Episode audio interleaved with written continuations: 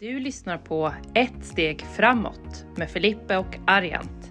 En podcast för en inkluderande arbetsplats. Supervälkomna till podcasten Ett steg framåt. En podcast om inkludering, mångfald och arbetslivet. Idag så är vi superglada att ha med två spännande gäster som vi ska diskutera jämställdhet med. Eh, vi tänker att de får presentera sig själva. Vi har det här Maria Roth. Maria, supervälkommen. Tack snälla. Berätta lite kort vem du är. Ja, men jag är från Ängelholm, eh, född och uppvuxen där. Eh, fastnade för sporten ishockey väldigt tidigt, när jag var fem år ungefär. Sen höll jag på med det hela vägen upp till 30 och efter 30 har jag väl eh, fastnat ännu mer för att förändra framförallt kanske kulturen inom eh, min sport eh, för att få den lite öppnare och mer inkluderande. Så spännande, tack så mycket. Och sen har vi också Jonas Eriksson från Vision VGR. Välkommen Jonas. Tack så mycket. Som du sa Jonas Eriksson, ordförande för Vision i Västra Götalandsregionen. Alltså då för regionanställda. Jag kan ju inte säga att jag kommer ifrån Medhörny. Jag kommer ju också lite längre söderifrån men har varit i, i Västra Götaland i över 20 år så jag känner mig väl som en västgöte. Tack. Mm. Eh, tack Jonas. Eh, jättespännande och tack ännu en gång att ni är med idag. Eh, jag tänkte att vi kör igång så jag tänkte Jonas, lite nyfiken på att veta lite hur, hur startades ditt intresse när det gäller just frågan och arbetet med jämställdhet? Vad var det som fick dig att jobba med de här frågorna? Det, det jag, jag, jag, vet inte om jag ska skylla på min ålder, men det är nog lite det. För att vi, vi, jag är 70-talist och är det den första årgången av 70-talister också, så så gammal är jag. Men jag tänker att eh, det händer för lite. Jag tycker vi är kvar i samma, vi har pratat jättemycket om det i, i, i över 20 år, skulle jag vilja säga. För, för eh, det är ju ändå ett tag sedan det började snackas mer om det. Men jag tycker eh, det händer för lite, det går för långsamt, vi manifesterar, vi har tillställningar, vi har, eh, och nu, nu, vill jag inte säga något fel, men vi har mångfaldsombud, vilket är fantastiskt. Men vi når sällan ända ut. Jag tror att eh, vi måste öka tempot, vi måste få med oss folk och min generation, om jag får lov att säga det så, är ju en fantastisk stoppkloss vi är så fast i vissa grejer så att vi, vi, vi, vi kan inte släppa relingen, eller sargen kanske man säger nu när vi har hockeyspelare med. Eh, så där, där så blir jag jätteglad när ni hör av er liksom, och, och, och kunna få hjälpa, vara del och ge ljud till detta. Uh, att uh, framförallt till mina medgubbar eller killar, jag vet inte vilket man säger längre. Men, men vi, måste, vi måste våga, vi måste släppa vi, må, vi måste våga vara jämställda. Vi är inte det, vi tänker inte så, vi lever inte så. Mm. Men vi skriver under på det när någon säger något. Eh, jättespännande Jonas, och vi kommer fortsätta med och gå lite djupare på, på lite grann det du är inne på. Uh, Maria, uh, lite kort, din, uh, din historia och ditt arbete kring jämställdhetsfrågor och erfarenhet. Ja, men jag fastnade ju i hockeyn tidigt. Eh, var intresserad av många sporter men eh, hockeyn blev eh, mitt hjärtebarn på något sätt. Eh, och så är det väl än idag. Jag spelar i 25-26 år när jag la skridskorna på hyllan men eh, kände då att jag var liksom inte riktigt klar för jag hade jobbat de senaste åren när jag var aktiv att eh, här måste till en förändring. Eh, det var inte så lätt för en ensam tjej eh, att spela hockey på den tiden, 80-talet. Jag är också 70-talist, sen 70-talist. Så att jag var relativt ensam då men eh, det fanns ju, eh, jag såg att det fanns förbättringspotential, inga stora förändringar egentligen man behöver göra, mer att öppna upp en, en mer lyhörd och eh, en annan sorts kultur inom min idrott för att jag kände att det, det, det är synd att vi attraherar så få till den här sporten. Mm. Eh, men sen när jag la skridskorna på hyllan där 2010 så kände jag att i och med att jag valde föreläsaryrket, är ute mycket och föreläser så är detta en som en röd tråd egentligen genom hela min föreläsning som handlar om egentligen om byggstenar till varför det gick bra men en av dem det är också det jag har sett av jämställdheten när vi mm. någonstans lyfter fram den i ljuset. Vad händer då? Eh, och de bra sakerna som händer och det vill jag gärna sprida. Ja, men superspännande Maria och vi kommer också djupa dykare in i det mm. eh, snart och eh, jag tänker Jonas Du har ju lång eh, facklig erfarenhet. Eh, hur har det sett ut i denna fråga under alla åren? Vad har du upplevt för framgångar för eh, bakslag när det gäller jämställdhetsarbetet? Nej, men det, det, det, man ska vara positiv till tycker jag det är ju ändå att, att vi pratar mycket mer om det. Mm. Eh, vi jobbar med våra stora arbetsgivare har ju oftast enheter som jobbar med de här frågorna. I, i avtal kommer det mer in, eh, det händer grejer på den fronten. Men som vanligt är det så svårt att få till den här eh, riktiga förändringen eh, ute bland folk. Så att ja, där finns, en, där finns en medvetenhet på ett annat sätt idag om jämställdhetsfrågor. Men fortfarande når vi inte ut. Jag tycker vi skulle kunna ta metoo som ett exempel. Mm. Det är ett sånt fantastiskt, eller, eller jag vet inte, egentligen skulle jag nästan vilja säga tragiskt exempel. Mm. Det blommar upp, alla är med på tåget, alla vill driva, Sen mm. låter man det försvinna igen och där, där tycker jag, där, där, känner jag att vi har en skuld i att inte fortsätta. Och så säger vi också under sådana här, när det händer grejer, just när det gäller jämställdhet, det, det, det är liksom kvinnan som ska förklara sig ofta. Mm. Man, mannen har en annan ställning i samhället och det, det, där måste vi gå vidare och det är bara vi män Mm. som kan släppa på det.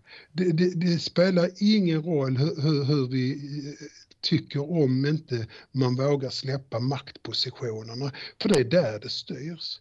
Så ja, positivt, en helt annan syn, rent öppet paraplyt har öppnats, kan man säga det så? Mm. Men det finns jättemycket att jobba med för att det ska bli verklighet också. Lite som jag sa till er också när, när, ni sa, när vi sa mångfaldsansvariga. Vi har jobbat jättemånga år med mångfaldsansvar. Tyvärr har vi svårt att få ut spridningen. Vi har fantastiskt mm. duktiga människor som jobbar med frågorna, som kan och som vet hur vi skulle kunna jobba. Men det är svårt att trycka ut det, för folk är inte riktigt mottagliga. Man, man, ja, och, och, det är svårt att veta vad det beror på, men vi måste liksom, vi får inte ge oss. Jag tänker liksom, har man nu väl börjat tjata mm. så får vi inte låta det tystas, för det är ju ett maktmedel ut utan dess like att låta det tystas ner. Ja, precis, precis. Och det är ju också ett eh, aktivt val. Eh, vill man arbeta med jämställdhetsarbete eller vill man inte? Det är också liksom ett aktivt val alla kan ha eh, i sig själva. Jag tänker Maria, du var inne på det lite, det här att du spelade började spela hockey på en tid då det inte var så många tjejer som var aktiva i sporten. Vill du berätta lite om den tiden? Vad fick du för, för liksom bemötande reaktioner från omgivningen? Eh, för man kan mm. tänka sig att det var ganska svårt ändå att eh, spela hockey på den tiden. Mm. Och, och, och, liksom vad, vad, den, ja, vad, vad det gav dig liksom i, för kraft i jämställdhetsarbetet. Mm.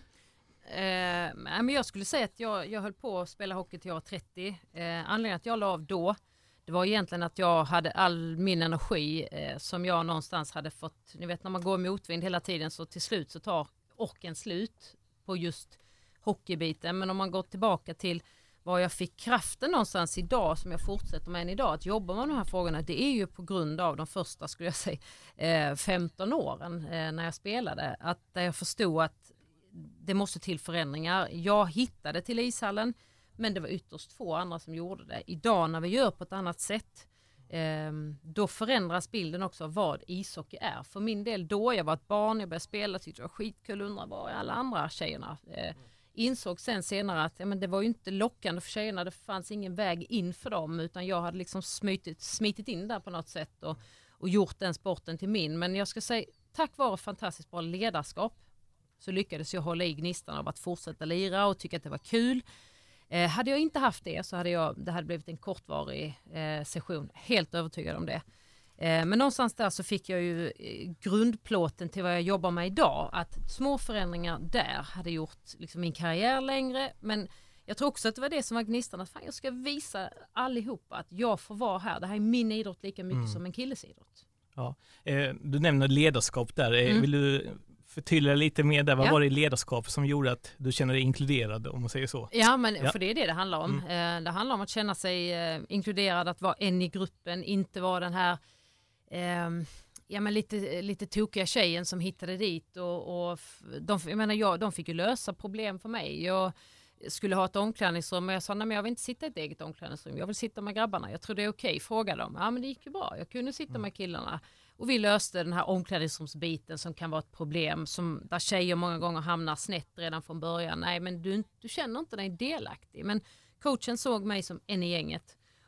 Och, det måste jag säga, utan det varma, liksom, inkluderande ledarskapet så tror jag att jag hade valt en annan väg. För det fanns så många enklare vägar eh, genom egentligen hela karriären. Att ha folk som ser en för vem man är, bara en i gruppen i det fallet, det var det jag behövde där och då. Eh, jättespännande att höra just med det, det du nämner om ledarskap och ha människor omkring som verkligen kan stötta vid, eh, vid de situationerna. Jag tänker att ni båda två nämnde att vi pratar ju ofta att vi har kommit väldigt långt eh, just med den här frågan i Sverige. Men varför pratar vi fortfarande om jämställdhet idag? Varför tror ni att vi fortfarande pratar om den här frågan? Ja, för, min del så känner jag att det är för att den inte är löst. Alltså, om jag bara går tillbaka till min idrott så ser jag ju att där finns enorm potential att förändra och den är inte i närheten av vad liksom, i mitt tycke jämställdhet står för. Men eh, jag tycker att det blir eh, det bevisas dagligen nästan. Eh, Jonas tog upp eh, metoo till exempel. Det är det absolut bästa maktmedlet, precis som du sa Jonas, det är att tysta och gå vidare. Säga att det där var Eh, det där var någonting då, men det är inte det vi har nu. Eh, jag tror att män måste bli mycket mer involverade för att det här handlar inte om att, att eh, alltså, för min del handlar jämställdhet om att både lyfta kvinnor och män. För att jag tror vi hamnar i en maskulinitetsnorm som är helt galen, som är helt fel, som män strävar efter. Och i det ligger ju makten, alltså att komma högre och högre upp. Men samtidigt så, så är det en, en skev bild av, tycker jag, vad maskulinitet är. Um, så att uh, jag tror vi måste förändra den. Fler män måste aktiveras i det här arbetet för att få en förändring. För att kvinnorna tycker jag står på barrikaden hela tiden men när du mm. inte får gehör, men när det, det är kvinnor och män som måste jobba tillsammans för det här, absolut fler män som måste ta taktpinnen och någonstans för sin egen skull också. Eh, om det inte är för sina döttrar, så någonstans mm. för dig själv. Kan, hur kan du må bättre i ett, ett mer jämställt samhälle? Jätteintressant. Eh, Jonas, eh, varsågod. Nej, men jag kan bara instämma och, och, och det finns ju så många exempel på, på detta nu med, inom idrotten med när man för något år sedan började diskutera kvinnornas löner och ersättningar från förbund. Vad gör vi män då med en gång? Jo, då förklarar vi varför vi är värda mer. Mm. Istället för att tvärtom säga, ja men hur ska vi få det jämställdare? Så vi, vi, vi är så mycket för jämställdhet så länge det inte drabbar oss själva, så länge du inte tar min lön, tar min position i samhället, mm. tar min makt. Eh, och det, det, det, måste vi jobba från grunden med. Jag kan vända det till arbetslivet. Jag har skrivit en hel del debattartiklar i frågan också faktiskt och tittar vi hur det ser ut idag. Kvinnor har lägre lön, kvinnor har färre chefspositioner, mm. kvinnor sköter fortfarande hemmen trots att de jobbar heltid, kvinnor är fortfarande mer sjuka för de har de eh, tuffare jobben ute, kvinnor som chefer är mer utsatta för mycket, mycket tuffare. Jag menar en kvinnlig chef får ju till och med förklara vad hon har för kläder på sig. Mm. Skulle aldrig en manlig chef eh, få, kan mm. jag säga efter 20 år som chef i t-shirt. Mm. Det, det är liksom, där är bilden. Ja, paraplyt har öppnats, men vi har inte samlats där under än. Vi är inte där, så därför måste vi fortsätta ropa, därför måste vi fortsätta debattera. Men vi killar, vi män, måste också våga släppa garden. Och, och, och, vi gör inte det. Jag, jag, hade ju hoppats att vi, nu är vi ju två 70-talister jag blir så glad, även, även om en var lite senare variant. Eh, men jag, jag hade ju hoppats att vi 70-talister skulle vara den sista förtappade generationen. Men någonstans fortsätter vi, för detta är ju nedärvt. Någonstans fortsätter mm. vi ju att pracka i män den här jag får väl säga dåliga mansbilden, den man fick när jag var liten av John Wayne och de här hårda grabbarna. Det är bullshit. Alltså, och, och där finns inga skillnader, män och kvinnor. Jag kan ju lova mig att min, min kollega här som är med i podden, hon är bättre än 99 procent av alla på jordens, i jordens befolkning på hockey. Är ni med? Mm. Alltså, det spelar ingen roll om jag skulle jag skulle vara mycket sämre, men vi ska ändå lägga det i fack. Mm. Det, det, är alltså större skillnader inom könen än mellan könen om vi ska vara ärliga. Mm. Toppen inom alla kvinnoidrotter slår 99 procent av männen. Ändå har vi sådana diskussioner. Och det är ju skrämmande, liksom att de ska hela tiden som kvinnor behöva förklara sig varför man är värd någonting. Det skulle inte ens få lov att finnas. Men där är vi. Jätteintressant Och det Jonas. är fel. Jag tänkte på, på, ni båda två har nämnt det här med eh, inkludering av män. På vilket sätt kan vi liksom inkludera männen mer i, om man nu skulle tänka att eh, eh, kanske ett, tre tips eller något liknande, liksom hur, till huret om vi kommer dit, hur kan vi inkludera männen mer i den frågan? Alltså, om jag, jag, jag kan börja. Eh, det är en jättesvår fråga för att jag tror någonstans i alla grejer man pratar om, allting som behövs, handlingskraft, någonting som behöver förändras, så måste man känna vad, vad får jag tillbaka, vad vinner jag på det här? Att, att, eh, att ta bort, att jag kanske inte får den högsta maktpositionen eller vad som helst. Det måste finnas ett, någon vinning för mig. Eh, och, och jag tror vi måste bli bättre på att prata om men vad är det som händer i, i en, ett, ett samhälle när det blir mer jämställt. var, alltså männen eh, når ju eh, kommer ju må otroligt mycket bättre. Den här mansnormen vi har idag skapar ju enormt mycket. Men tittar man på ishockey och just mansnorm som den, hockey, alltså den sporten jag kommer från, där är ju ett, ett mörkertal av, av människor som mår dåligt, tror jag, på grund av en machonorm som, som de har liksom någonstans blivit invaggade i från början. Att det är så här man ska vara, det är så här du ska bete dig. Och jag tror man måste vända på det. Vad, vad, om vi tar bort det, vad får jag istället tillbaka? Om vi får en jämställd, jämställt samhälle så, så måste det finnas så mycket plus för männen i det samhället. Men jag tror, vi så, jag tror att männen tänker, det är lite som du var inne på Jonas tidigare, att jag, jag måste liksom ta bort saker från mig själv. Jag måste ge bort till kvinnorna. Och det vill man inte. Man vill inte ge bort någonting som man redan har. För makt, det är det viktigaste tror jag för många. Eh, en maktposition, hög lön och så vidare. Men jag tror vi måste se bortom det. Liksom. Vad får vi tillbaka som samhälle? Vad får männen? Vad, man, man ger inte bara, utan du får en hel del också. Ja, jag kan hoppa in och lägga till lite där och så jag tror också, jag har jobbat eh, mycket med, med, med folkhälsa och sånt innan fackligt också. Och, och, och tittar man på tendenser så måste vi börja redan i, i barnålder, redan i skolan. Ett skrämmande exempel jag har själv var, och nu av- avslöjar jag hur, jag- hur vi har lyckats här hemma med våra barn, men när man fick det här samtalet i, i, i låg mellanstadiet med, med sonen, han har hittat på någonting dumt, och, men han är bara pojke. Mm.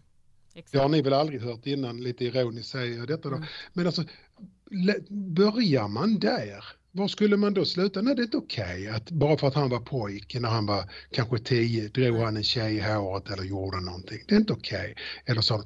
Men vi har fortfarande det tillåtande attityden. Jag tror vi måste börja där. Vi måste rannsaka oss själva för att då, vi skapar ju själv de kommande förebilderna, framtida generationer.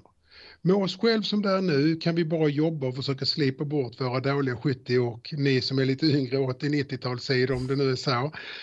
Men för den unga generationen som kommer, där säger jag bara snälla låt dem växa upp under andra förhållanden där vi är jämlika från början. Och det är ju jätteviktigt för att där ser man tendenser fortfarande i skolvärlden, eh, dagis, annat, att vi behandlar dem olika. Och, och, då, och redan där sätter vi ju normerna. Jag tror man säger, eh, alltså må, många sådana basala normer sätts ju redan i 6-7 års åldern. Det du har inlärt i de beteenden, de är jättesvåra att få bort. Sen för så, så ser man världen. Så är din värld skapt. Så därför tror jag vi måste börja väldigt, väldigt, väldigt tidigt. Det går inte sen att gå ut och säga det, Jonas, din gamle 50-åring, ändra dig. Det går ju självklart, jag lovar. Men det är mycket, mycket svårare. Vi Ja. ska inte behöva komma dit. Eh, Ja, det var superintressant Jonas. Jag tänker eh, Jonas, vi som manliga Eh, förtroendevalda i Vision, tycker du att vi kan göra mycket mer? Också? Ja, det tycker jag. Det tycker jag. Vi, vi, vi jobbar ju fortfarande i, i alltså, vi hittar fokusområden och jobbar där. Det, det, det innebär ju att vi, vi, vi måste titta, vi måste försöka jobba på det helheten. Mm. Alltså som man, du försöker, måste försöka släppa din manlighet. Alltså det, det, det, det. Och, men, men frågan är vad är manlighet? Mm. Det- Den är också lite intressant för jag menar, det, det är också en skev bild vi har på det.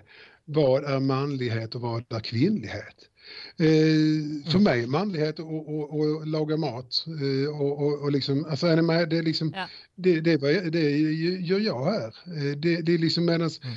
men, men vi är ju fast i de här gamla sätten att tänka, det måste bort. Och, och eh, då måste vi sluta och, och hitta en fiende eller, eller ett område vi jobbar med. Vi måste jobba på bredden, vi måste mm. jobba med det i vardagen, i vårt eget tänk.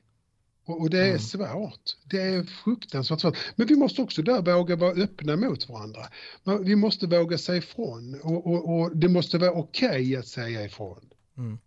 Eh, ja, det vet precis, jag inte om det. Precis. Eh, och Maria, jag, du nämnde innan det här med kanske förståelsen och empatin. Är det där liksom svaret finns, liksom att man måste öka förståelsen hos män, se vinsten och kanske empatin också för att vi ska kunna avancera i de här frågorna? Ja, alltså jag tror ju generellt, Jonas är inne på det, att vi, vi uppfostrar eh, pojkar och flickor väldigt olika. Eh, utan att tänka på det. Vi gör dagliga fel som, som jag tror, hade man satt luppen på det så hade man, oj oj oj, varför gjorde jag sådär? Eller varför sa jag sådär? Varför kommenterar jag tjejens kläder och, och, och säger att eh, eh, pojken är eh, liksom cool eller vad, vad det nu än kan vara. Eller att man säger att men, han är ju pojke som, som tror jag pojkar får höra nästan dagligen. Eh, jag tror vi måste, där måste vi börja väldigt tidigt. Eh, precis som Jonas är inne på, det är där grunden läggs tror jag.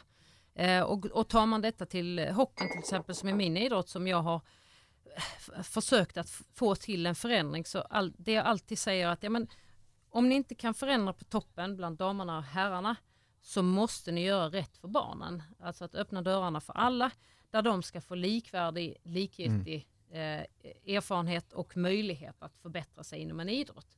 Men där har det varit lite så att tjejerna måste någonstans först bevisa sig. Det här måste ni prestera, sen kommer sponsormedel eller vad mm. än kan vara.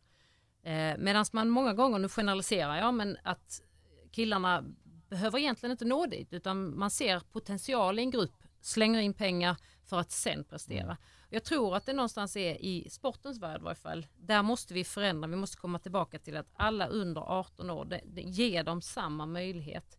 Eh, för när vi redan är inne och pillar där med vem som ska få möjlighet till att utvecklas till exempel. Ja men då är vi inne på makten ges till pojkarna.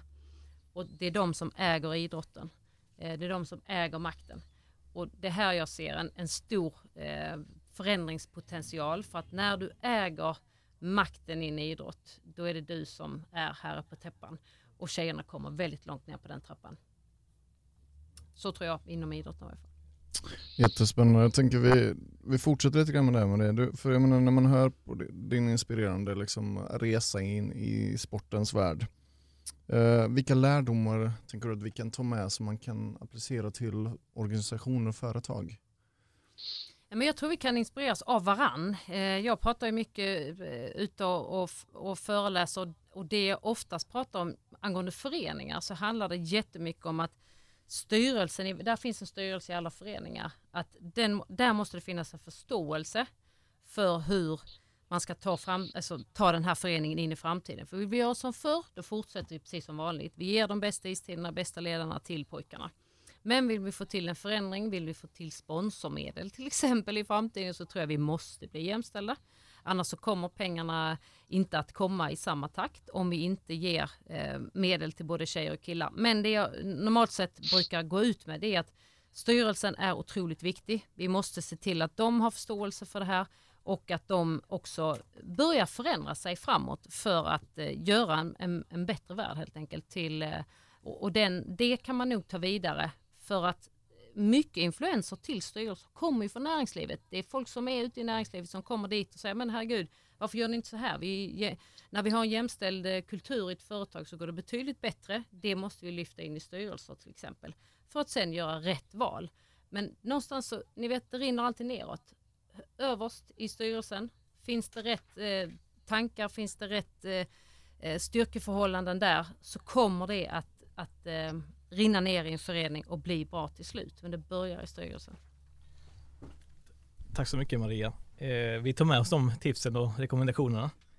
Eh, Jonas, vi var lite inne på det tidigare, men alltså hur, hur kan vi som vision eh, arbeta med dessa frågor fackligt? Alltså hur, hur, vad kan vi förtroendevalda göra lite konkret vad, vad kan vi göra? Vad är dina tips?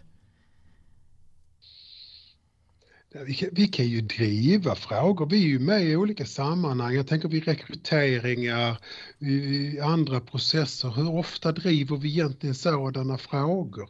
Eh, ledningen i, i, i de flesta företag, utom i VGR får jag säga då, är ju mansdominerad. Det är ju inget ovanligt. Eh, chefer är män. Eh, de som äger är män. Eh, där kan vi ju fackligt vara med i de forum vi är och påverka. Vi kan vara med och, genom att släppa fram, det, det gör vi ju inte det heller. Vi tar tonen, vi håller tonen och, och, och där har jag klart dubbelt. Det måste, där måste det också vara tillåtande att för till exempel som Maria, nu när vi sitter här och pratar, att bryta in och prata. Alltså, likväl som att vi män gör det, att vi måste skapa den kulturen där det, eh, där det är okej okay för bägge bägge parter, och, eller mm. parter, nu, nu, nu blir jag för facklig här, jag menar båda att prata fritt. Men, men, men framförallt kan vi ta ton i, i de forum vi är med, vi kan lyfta frågorna medialt, vi är jättedåliga på det tycker jag idag. Vi, vi, vi tar för lite plats, eh, vi fackliga också, och Vision är ett fantastiskt förbund som verkligen står för jämställdheten och allas lika värde. Eh, men, men vi kanske inte pratar om det tillräckligt mycket. Det skulle vi kunna göra mycket, mycket mer. Alltså, någon måste ju vara den parten som vågar tjata och vara tråkig när nu kommer den igen. För till sist fastnar grejen. Ni vet hur det är. Mm. Älta, älta med, med, vissa grejer. Så det där tycker jag är jätteviktigt. Men, men sen tror jag också att vi måste, och det är ni säkert duktiga på, men vi måste sprida arbetet mer. Mm. Eh, hos oss i VGR har vi till exempel, nu har det inte hänt så mycket, diskuterat hur vi ska jobba med mångfalden. Om vi verkligen ska ha mångfaldsgrupper, eller hur ska vi göra? Vi är så rädda, vi kommer inte ut, vi har 6000 medlemmar. Vi har eh, hundratals som arbetar fackligt eh, som förtroendevalda på olika sätt. Men, men hur når vi ut? Hur mm. sprider vi? Det är ju det där med sprida kunskaper också där, där, där kan vi också hjälpas åt mycket, mycket mer. Sen finns det ju avtalsbitar också. Mm. Titta på lokala kollektivavtal, intresseförhandla, diskutera med, med ledningen. För att arbetsgivaren har ju fina policydokument. Mm. Men det är ju just det det är många gånger, det är fina policydokument som killar har tagit fram. Nej, nu var jag taskig, men, men, men tyvärr ser det många gånger ut så. Men börjar vi jobba och ge en syn på det så kanske men, men som sagt, ge aldrig upp. Det är det jag menar, det är det viktigaste. Ge aldrig upp. Vi kommer dit, vi kommer dit. Mm. Det enda vi vill göra här och vi tillsammans tror jag alla, Maria och jag och ni också, det är att få det att gå lite snabbare. För visst har det hänt saker sedan 1970 när, när jag kom till världen. Precis. Men i den här takten, det ska inte behöva ta lika lång tid till. Vi, vi måste öka på det tempot. Ja, men är, där är vi en jätteviktig ja, part. Är, är, du optimist Jonas då? Tror du att vi, vi når Nej, till den jämställda jag, arbetsplatsen här i, i vår generation? Ja, vi, i vår generation, om vi får jag lov att ha det som eh, åldersexempel där. Ja. Eh, nej, under, under min tid, nej vi kommer inte dit under min tid. Eh, men ja, vi kommer dit. Mm. Det gör vi. Men ju mer vi är med, ju mer vi pressar, ju mer vi får med våra medlemmar, det är viktigt, för det hjälper inte att Jonas ordförande i VGR sitter och skriker. Mm. Men, men när mina medlemmar, sex stycken, sex, sex stycken, 6000, också reser sig och säger samma sak, mm. då lyssnar vi. Det är det jag menar med att vi måste få spridning i frågan och det måste bli accepterat att vara kvinna och säga ifrån. Yes. Eh, Maria, vad tänker mm. du kring den frågan? Så når, når vi den eh, jämställda arbetsplatsen snart eller när, när når vi det? Om du bara mm. tänker sådär. Ja, det, det, det, det, här är uppenbarligen någonting som har tagit väldigt lång tid. Eh, och jag tror det kommer vara fortsatt lång tid. Men det är ju som Jonas säger, ju fler vi är som skriker för det. Mm. Eh, och kanske också liksom lyfter upp hela de här eh, de positiva bitarna. För att återigen, det, det, jag tror det är männen som halkar efter lite i det här. De hänger inte på tåget lika mycket för att man har någonting att förlora tycker man. Jag tror vi behöver lyfta upp det positiva eh, som händer i ett, i ett, samhälle och på en arbetsplats när det blir jämställt. Eh, och jag, jag, hoppas att det går jättefort. Jag, menar, jag, jag har själv två små döttrar hemma och, och, och, tänker liksom alltid att ska man fördela en kaka, hade jag haft en tjej och en kille, ja du får 75% och du får 25 Ja. ja men lite mm. så mm. ibland att nej men 17 alltså de är värda precis lika mycket som, som grannens pojkar liksom. Ehm, I form av allting. Så att, eh, jag hoppas det går fort men jag är väl kanske lite pessimistisk där att eh, det inte går så fort som jag vill. Okej, okay. Mm. yes. Ja, men, eh, ja, superspännande. Eh, vi tänker så här, eh, har ni någon, eh, jag tänker med dig Jonas, har du någon kanske summering, någon slutreflektion eller något tips vi ska ta med oss nu tillbaka till arbetsplatsen kring de här frågorna? Ja, det skulle väl vara till alla killar som lyssnar först. Jag lovar, jag ska vara jämställd och ha till tjejerna också. Ja. Men till alla killar som lyssnar, våga släppa. Maria har lovat, det blir bättre om vi gör det. Och det blir det. För att då får vi en ömsesidig respekt för varandra, vilket gör att vardagen, att samarbetet blir bättre. Men vi måste som killar våga släppa och det, det skulle jag vilja säga det är det manligaste du kan göra av allt. Våga släppa fram någon annan. Och till tjejer, det enkla korta, våga ta ton. Lyssna inte på dumheter, men stoppa det. Men, men, men backa inte på grund av det, för det kommer fortsatt att höras. Vi är inte i mål än, men våga för den delen ändå ta ton. För det är det viktigaste du kan göra. Vi är många killar, män bakom dig, även om vi inte alltid låter mest. Så tillsammans kan vi lyckas med detta. Tack Jonas. Eh, Maria, vad, eh, vad skickar du med? Vad kan vi ta med oss till arbetsplatsen? Eh, nej, jag, jag, tror eh, Jonas, jag tycker att eh, mycket av det du säger är, är väldigt bra och, och, jag tror lyssna på det. Eh, och sen tänker jag också att, att, att män eh, ska supporta andra män genom att egentligen bara våga prata lite mer om det. För att det kan kännas tror jag som att man är lite ensam i att ehm, ja men det är nästan lite fult så för en man att vara feminist nästan. Och, och jag tänker att vi måste liksom vidga de här, vad, vad, är det som jag sagt tidigare, vad får vi ut bra av det, våga, våga prata med kompisen bredvid. För att jag tror att prata män emellan är nog väldigt bra i de här lägena. Det är många som tänker samma men det handlar mycket om att jag vill inte vara ensam i detta, jag vill inte stå ut eh, liksom, som eh, eh, något unikt här utan man vill gärna känna sig som grupp. Det är enklare att falla tillbaka i, i mansnormen och vara tillbaka i det här gamla utan våga göra sin röst hörd. Eh, och för kvinnor egentligen samma sak, fortsätt den kampen vi har börjat för att eh, den kommer inte att ta slut. Någon gång så blir vi jämställda, förhoppningsvis inom en kortare tid än mm. jag tror. Eh, men någonstans inte ge upp och, och fortsätta vara, göra sin röst hörd. Tack Maria för, för era fantastiska tips och eh, ett väldigt spännande ämne såklart och väldigt spännande att lyssna på på er, just liksom era historier, bakgrunder och det arbetet ni gör idag. Eh, vi ser nu att klockan eh, springer iväg här så att eh, vi vill helt enkelt tacka er så mycket. Stort tack Maria Roth för att du var med idag och eh, fantastiskt att få lyssna på din eh, historia och din inspirerande resa inom sportens värld. Eh, Jonas Eriksson, stort tack till dig också. Och eh, ni båda två har varit inne på liksom det här är ett eh, stort arbete vi gör och eh, tillsammans så hoppas vi att eh, om några år att vi inte stå, ska prata så mycket om, om den här frågan utan att vi ska vara där och det är enda sättet det är tillsammans.